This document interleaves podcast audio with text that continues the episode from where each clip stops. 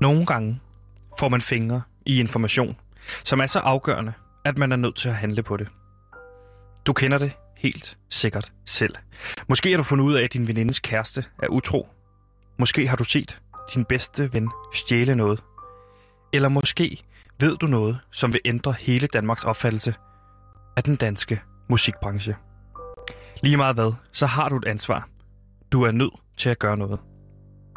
Mit navn det er Sebastian, og jeg er til daglig journalist på Radio Loud og det program, som hedder PewDiePie. Og sammen med min researcher Gantemir Erdograskov er jeg kommet i besiddelse af foruroligende information. Information, som for evigt vil ændre dit syn på en af Danmarks mest folkekære musikere. For tilbage i 2020 fik min researcher Gantemir et anonymt tip. Et tip, der gik på, at der var noget fuldstændig galt hos Ekstrabladet. Men hvad han troede ville være et klassisk journalistisk tip, viste sig at gå meget mere i en dyster retning.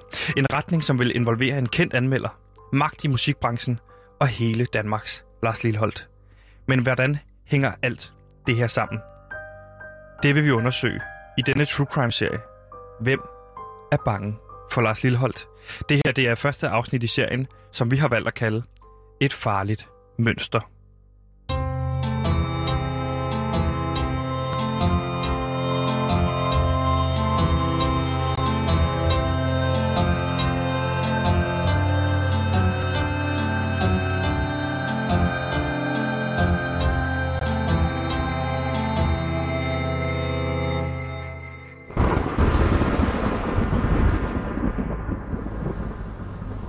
Ja, du lytter altså til podcasten Hvem er bange for Lars Lilleholdt?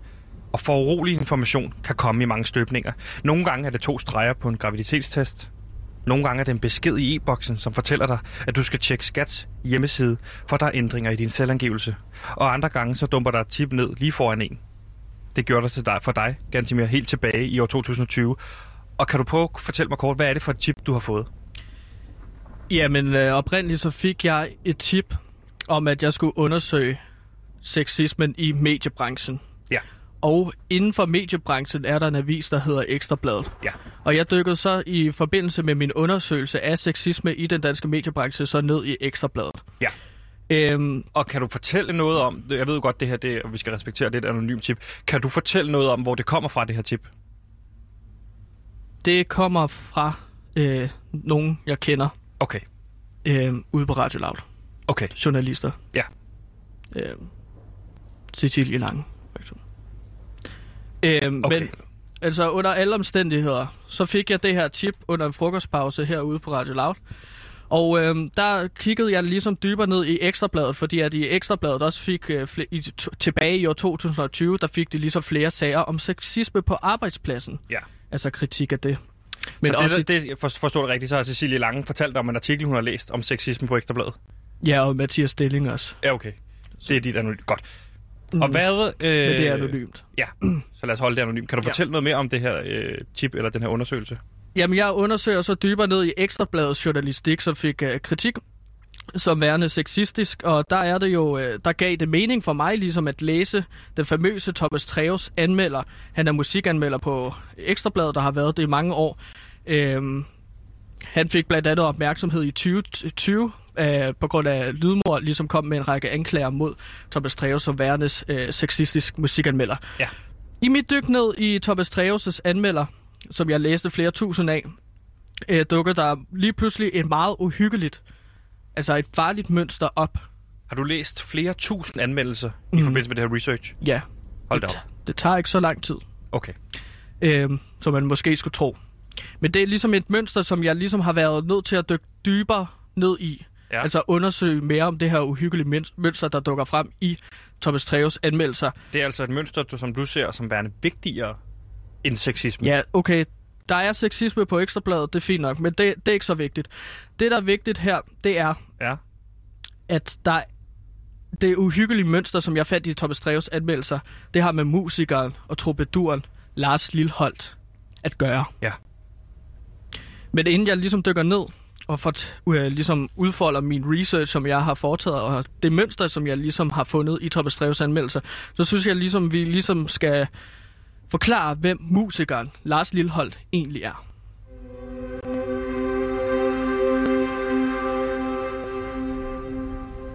Ja, for kan man grave uden en skovl? Det kan man ikke, og man kan ikke undersøge uden at forstå. Og her er skoven, altså forståelsen af Lars Lilholdt. For hvem er denne her folkekære musiker? Hvem gemmer sig bag den historiefortællende, rynkende hud? Hvem er myten Lars Lilholdt? Gansimir, det har du gået lidt mere i dybden med, er det ikke rigtigt? Jo, Lars Lilleholdt, kort fortalt, som du sagde, så er han jo en af Danmarks mest folkekære musikere i Danmark. Han er født den 14. marts 1953. Han er derfor 67 år. Han er vokset op i Aalborg, og så er han uddannet lærer fra Silkeborg Seminar. Ja. Øhm, han dannede tilbage i 70'erne øh, det stilskabende folkrockgruppe Krens Bysteds i 1973 med skolekammerater fra Aalborg. Hvad siger du, de hedder? Kren? Bysteds? Kren Bysteds, ja. Det hedder hans øh, gruppe, den første musikgruppe, han danner. Det er den første, og det gjorde han i 1973. Okay. I 1982, der bliver bandet opløst, og der udgiver Lars Lilleholdt sin første soloplade. Ved man, hvorfor den her, øh, det her band blev opløst dengang? Jeg har gravet med, Ja. dybt med min research øh, på internettets mange fora, og jeg har ikke kunne finde ud af, hvorfor det er blevet opløst. Okay. Altså typisk i musikbranchen, så er det jo fordi, at man gerne vil udgive noget solo. Ja. Øhm, og det er jo så det, Lars Lilleholdt han har gjort her. Han udgiver sin første soloplade i 1982. Og det er altså som solokunstner, Lars Lilleholdt for alvor får mejslet sig ind i den danske musikhistorie. Og her at han er blevet mastodont inden for dansk rockmusik. Ja. Hans største hit, mine damer og herrer, det er jo en vaskeægte dansk evergreen, og det er Lars Lilleholds sang Kald det Kærlighed, som er blevet en klassiker til danske bryllupper. Jeg tænker, vi lige hører en bid. Det kærlighed Kald det liv Hvad du vil Oh, oh Der findes ingen ord Ingen ord, der helt slår til Mm. Og Sebastian, jeg, hvad, hvad, hvad tænker du om sangen? Har du hørt den før? Ja, det har jeg. Er du sindssyg, jeg har hørt den her sang før. Jeg synes, den er fed. Altså, øh, det er jo en sang, man er vokset op med. Jeg har hørt den igennem hele mit liv. Mm. Stødt på den til diverse arrangementer. Øh, folk skriver jo sange på den her øh, sang. Altså, du, ved, øh, selskabssange, ikke? Jo, altså det er en sang, der ligesom, som du siger, dukker op til fællesarrangementer, selskabsleje for eksempel, eller øh, bryllupper for eksempel, som jeg Lige lige, sagde. Altså, som man, man også kan høre her, så der beholdte Lars Lillehold ligesom sit folkerocket lyd, hvor violin, som Lillehold selv spiller, Ja. kan have en bærende rolle i mange af hans sange. Ja. Og øh, så vi ligesom var lidt inde på her, så fællessang som en stilistisk middel er en rød tråd igennem Lilleholds katalog. Og det kan man jo også høre i hans øh, klassiker, Den Hvide Dværg. Som fra det første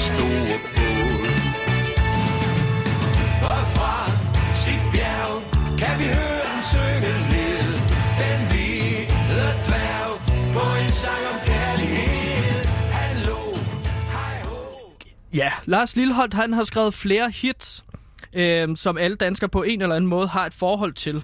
Hvilket der ikke er mange danske musikere, der kan have æren af at sige. Ej, Så der, der, er få, der er så store, som Lars Lillehold herhjemme, ikke? jo, altså det er et navn, som mange har hørt om. I hvert fald. Øh, han har så at sige lavet et lydspor til danske fællesarrangementer. Ja. Meget, ikke? Og en gennemgående beskrivelse af Lars Lilleholdt, øh, det er, at i musikjournalistikken, der bliver han beskrevet som folkelig. Han er en mand med begge ben placeret på jorden, og som kan samle mennesker. Men hvad er det, der gør, at Lars Lilleholdt er så folkelig? Det har mm. vi spurgt uh, Radio Lavs musikchef, der har over 20 års erfaring uh, i den danske musikbranche, og en rotte er han også, om hvad det er, der gør, at Lars Lilleholdt han bliver set som folkelig. Jamen, det vil jo først og fremmest at man har lavet i hvert fald et hit. I hans tilfælde som man jo til navnet kan komme ud med. Øh, det gør folk ved, og så er det bare folk møder op, og jeg tror ikke, der er mange mennesker, som har været et til en Lars Lilleholdt koncert, der bliver socialt ret folkeligt. Og for eksempel, at man kan stippe, når og hører musik. Ja, det var altså øh, musikchef her på Radio Loud, Mikkel Bakker, som du hørte her med en fortid i den danske musikbranche, som fortalte lidt om den her folkelighed, som Lars Lillehold er i besiddelse af. Er det ikke rigtigt?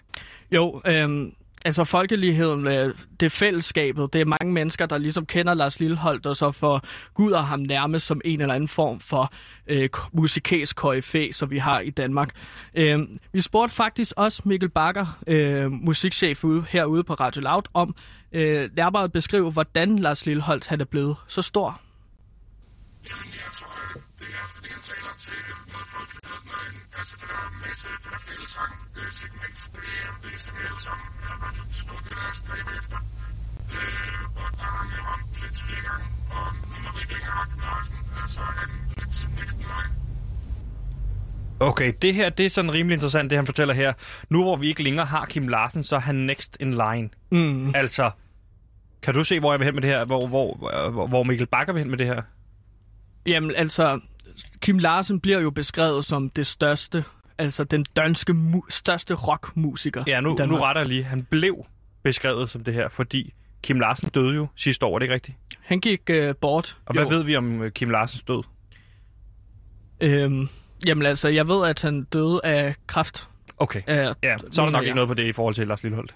Nej, men altså, man, man, man, man ved jo aldrig, men altså, pointen, som Mikkel Bakker også er inde på her, det er jo netop, at øh, Lars Lilleholdt nu er blevet det største sådan, danske rock-sangskriver øh, inden for, jamen altså i Danmark. Kim Larsen var jo en mastodont, og det er Lars Lilleholdt så blevet ham, der ligesom løfter dansk musikkultur af. Ja. Ja. Så det vi ved om Lars Lilleholdt er, øh, manden er 67 år gammel, han er uddannet lærer fra Silkeborg Seminar, og så har han de her kæmpe store hits, blandt andet mest af, vigtigst af alt, Kaldte Kærlighed, men også Den Hvide Dvæv.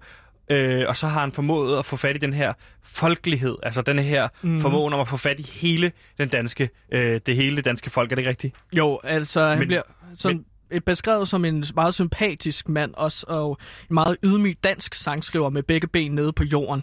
Det er ligesom Lars Lilleholds øh, image. Lige præcis. Så, så langt, så godt.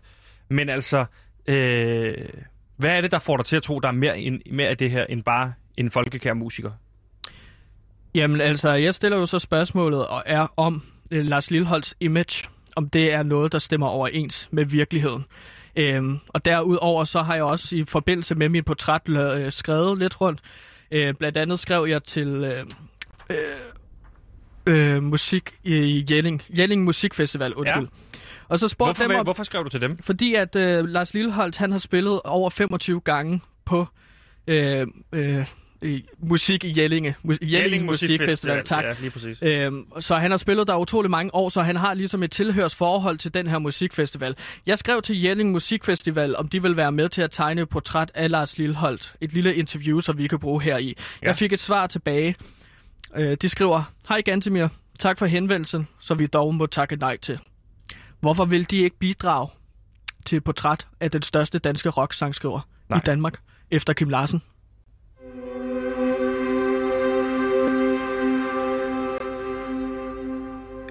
Det er et rigtig godt spørgsmål, fordi med det image, som den folkekære spillemand han er, det kan være, det lider af knæk. For hvis man bare graver en lille smule i overfladen, så finder man øh, et forhold til Ekstrabladets musikanmelder, Thomas Treve, hvor der er noget, der er fuldstændig galt. Fordi noget kunne tyde på, at Thomas Treve er bange for Lars Lillehold. Er det ikke rigtigt? Jo, det er det jeg sp- sp- spørgsmål, jeg stiller efter, jeg fandt det her mønster i, uhyggelige mønster i Thomas Dreves anmeldelser. Ja. For er det, hvad er det for et mønster, du har fundet frem til i Ekstrabladets anmeldelser? Jamen, man snakker jo meget om, at Thomas Dreve, han er en mand, der hader alt og alle. Ja. i sine anmeldelser. Især kvindelige popstjerner. Men altså, det er en mand, som... Øh, øh, men der er en mand, som øh, Thomas Dreve altid er positivt stillet overfor. Ja. Og det er Lars Lilleholdt, som lige, lige har beskrevet. Øhm, han er aldrig er kun negativ mod Lars Lilleholdt, når han beskriver ham i sine anmeldelser. Kan du kort fortælle mig, hvem Thomas Treve er? Thomas Treve, han er Ekstrabladets musikjournalist, som er famøs for at skrive nogle... Øh, jamen, Ekstrabladet forsvarer det med øh, hårde anmeldelser. Han er ærlig, og der er ikke noget... Øh, der, han lægger ikke et låg på, hvad han føler omkring en musiker. Nej. Og det tager sig tit ud mod øh, danske kvindelige, øh, eller nej, undskyld, bare kvindelige musikere generelt. Ja. I sine anmeldelser beskriver han for eksempel tilbage i 5. april år 2013 Lana Del Rey som en fæl narfise syg kælling om javne sexkilling. Ja. Øhm, og så skriver han også, beskriver han Ariana Grande i forbindelse med hendes koncert i Royal Arena 1. oktober 2019 som en kønsløs Lolita i Royal Arena. Ja. Sanne Samuelsen bliver beskrevet som en synkende skud og discount diva. Og det er sådan konstant de Thomas Treves anmeldelser. Ja, det er jo ikke særlig pænt, hvis man ser det udefra. Altså, det er jo ikke pæne ord om, øh, om, øh, om, om musikere, vel? Nej. Øhm, og det er jo så meget negativt og meget øh, hårdt sprog, han bruger mod øh, øh, andre musikere.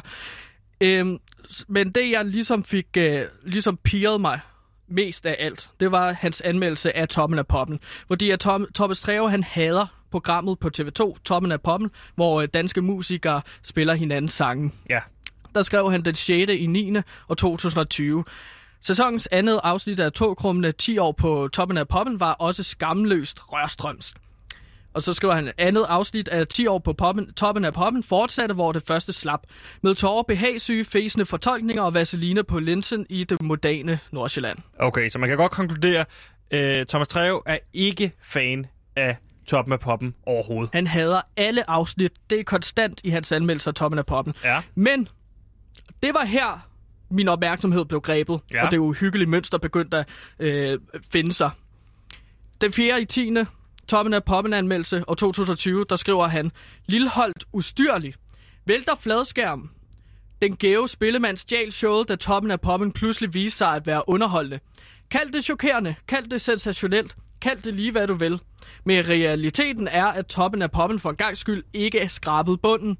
Sæsonens 6. afsnit var, gud hjælp mig, opløftende. Så for at forstå det rigtigt, en måned efter, altså bare en måned efter den her fuldstændig forfærdelige og negative anmeldelse, så er han lige pludselig vendt 180 grader og elsker Toppen af Poppen på grund af Lars Lilleholdt. Og han endda øh, citerer Lars Lilleholds tekster og promoverer Lars Lilleholdt direkte i teksten. Ja, altså der er det ligesom to, t- øh, Lars Lillehold, der bare opløfter et ellers i Thomas Treves øjne øh, håbløst projekt. Der løfter Lars Lillehold det. Ja, og efter du fortalte mig det, så siger jeg, det er sådan set fint nok, men øh, er der noget om det her? Altså, fordi der går jeg også ind, nu er jeg jo journalist, og siger, hmm, det er da spændende nok, men altså, kan vi konkludere så store ting på baggrund af sådan en enkelt anmeldelse?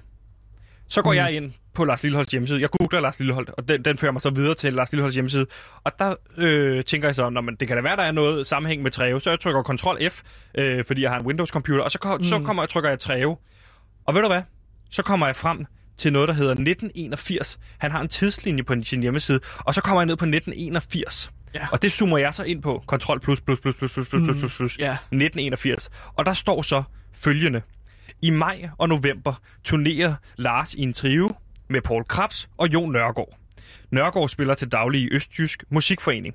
Trioen, som i daglig tale kaldes, og hør nu efter, Trio Treo, spiller både i Danmark og Nordtyskland med deres hjemmegjorte dansksproget materiale.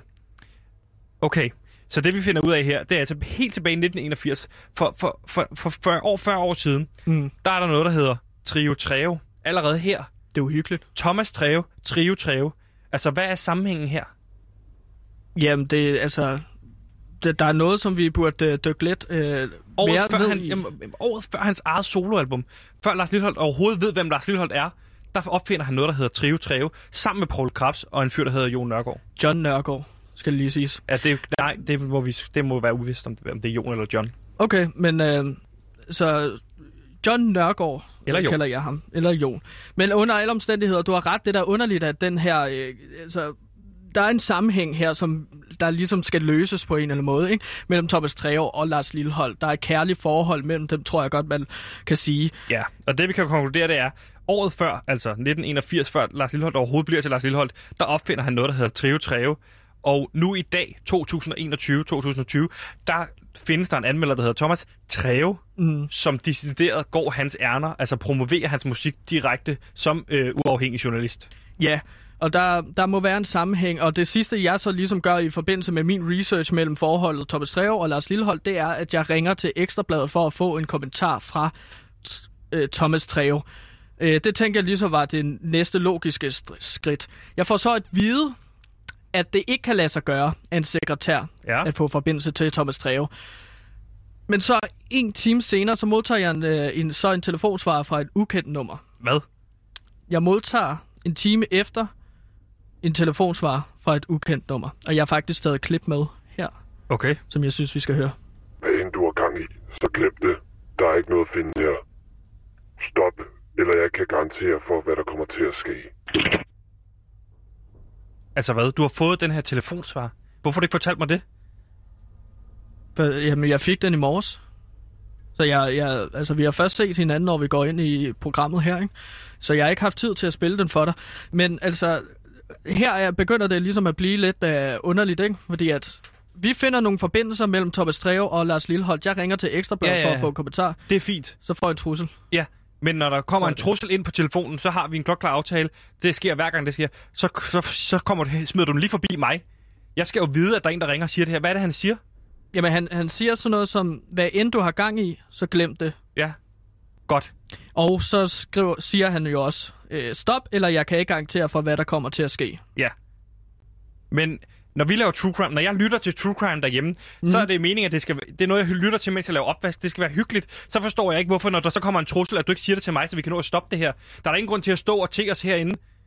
Men jeg synes netop, at det her det er en meget, meget positivt tegn, fordi at det betyder, at vi er på sporet af noget meget vigtigt Ja, og og meget fa- farligt. ja. ja, præcis. Meget farligt. Uh, så jeg synes ligesom, vi skal grave videre i Men... den her sag om Lars Lillehold. Men jeg har det bare... Altså, hvor, det kan, hvorfor kan det ikke være øh, true crime og sjovt at lave? Jeg forstår ikke, hvorfor det skal være farligt at lave. Altså, altså, det betyder jo, at vi har fat i det rigtige, Sebastian. Ja, Altså- men der er ingen, der har sagt, at det behøver at være farligt. Jamen, vi skal videre, og vi skal dybere. Det kan godt blive farligere, det kan godt blive mere uhyggeligt, men Men hvad nu? Okay, nu har jeg en idé, Gantimir. Vi konkluderer nu. Det var, øh, hvem er bange for Lars Lilleholdt? Hånden op, det er vi. Øh, han, har, han trækker nogle tråde, han er måske venner med Thomas Treve. Slut. Så slutter vi den her. nej. Altså, jeg bliver ved med at grave videre, Sebastian. Og så laver vi videre på vores True Crime-serie om Lars Lilleholdt, og hvem der er bange for Lars Lilleholdt. Der er noget, der stikker dybt. Og det vil jeg som researcher finde ud af, hvad er. Men hvorfor kan vi ikke bare lave det her som en afrundet podcast? Bum, det var afsnit 1, og det første og sidste afsnit. Jamen, så hedder det jo ikke en True Crime-serie, og du vil gerne lave en True Crime-serie. Du kan ikke lave en True Crime-serie, Sebastian, der kun er på et afsnit. Det er flere afsnit, ikke? Okay, vi laver et afsnit mere, men hvis det bliver for farligt, så stopper vi. Et er det afsnit aftale? mere. Godt.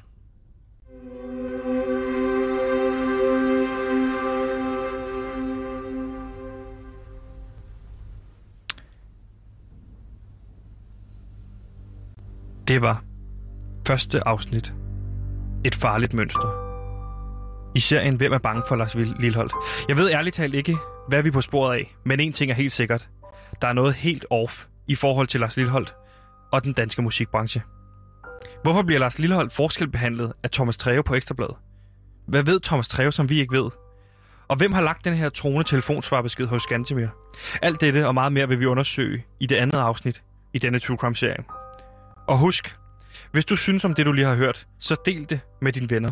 Fortæl dem, at de skal lytte med, hvis de vil finde ud af, hvad der virkelig er op og ned i den danske musikbranche. Husk at like den her podcast, hvor end du hører den. Vi har brug for din hjælp. Mit navn det er Sebastian, og sammen med Gantimir og vores producer Simon, der har vi bragt det første afsnit af Hvem er bange for Lars Lilleholdt til dine ører. Det her var det allerførste afsnit. Et farligt mønster. Tak, fordi du lyttede med.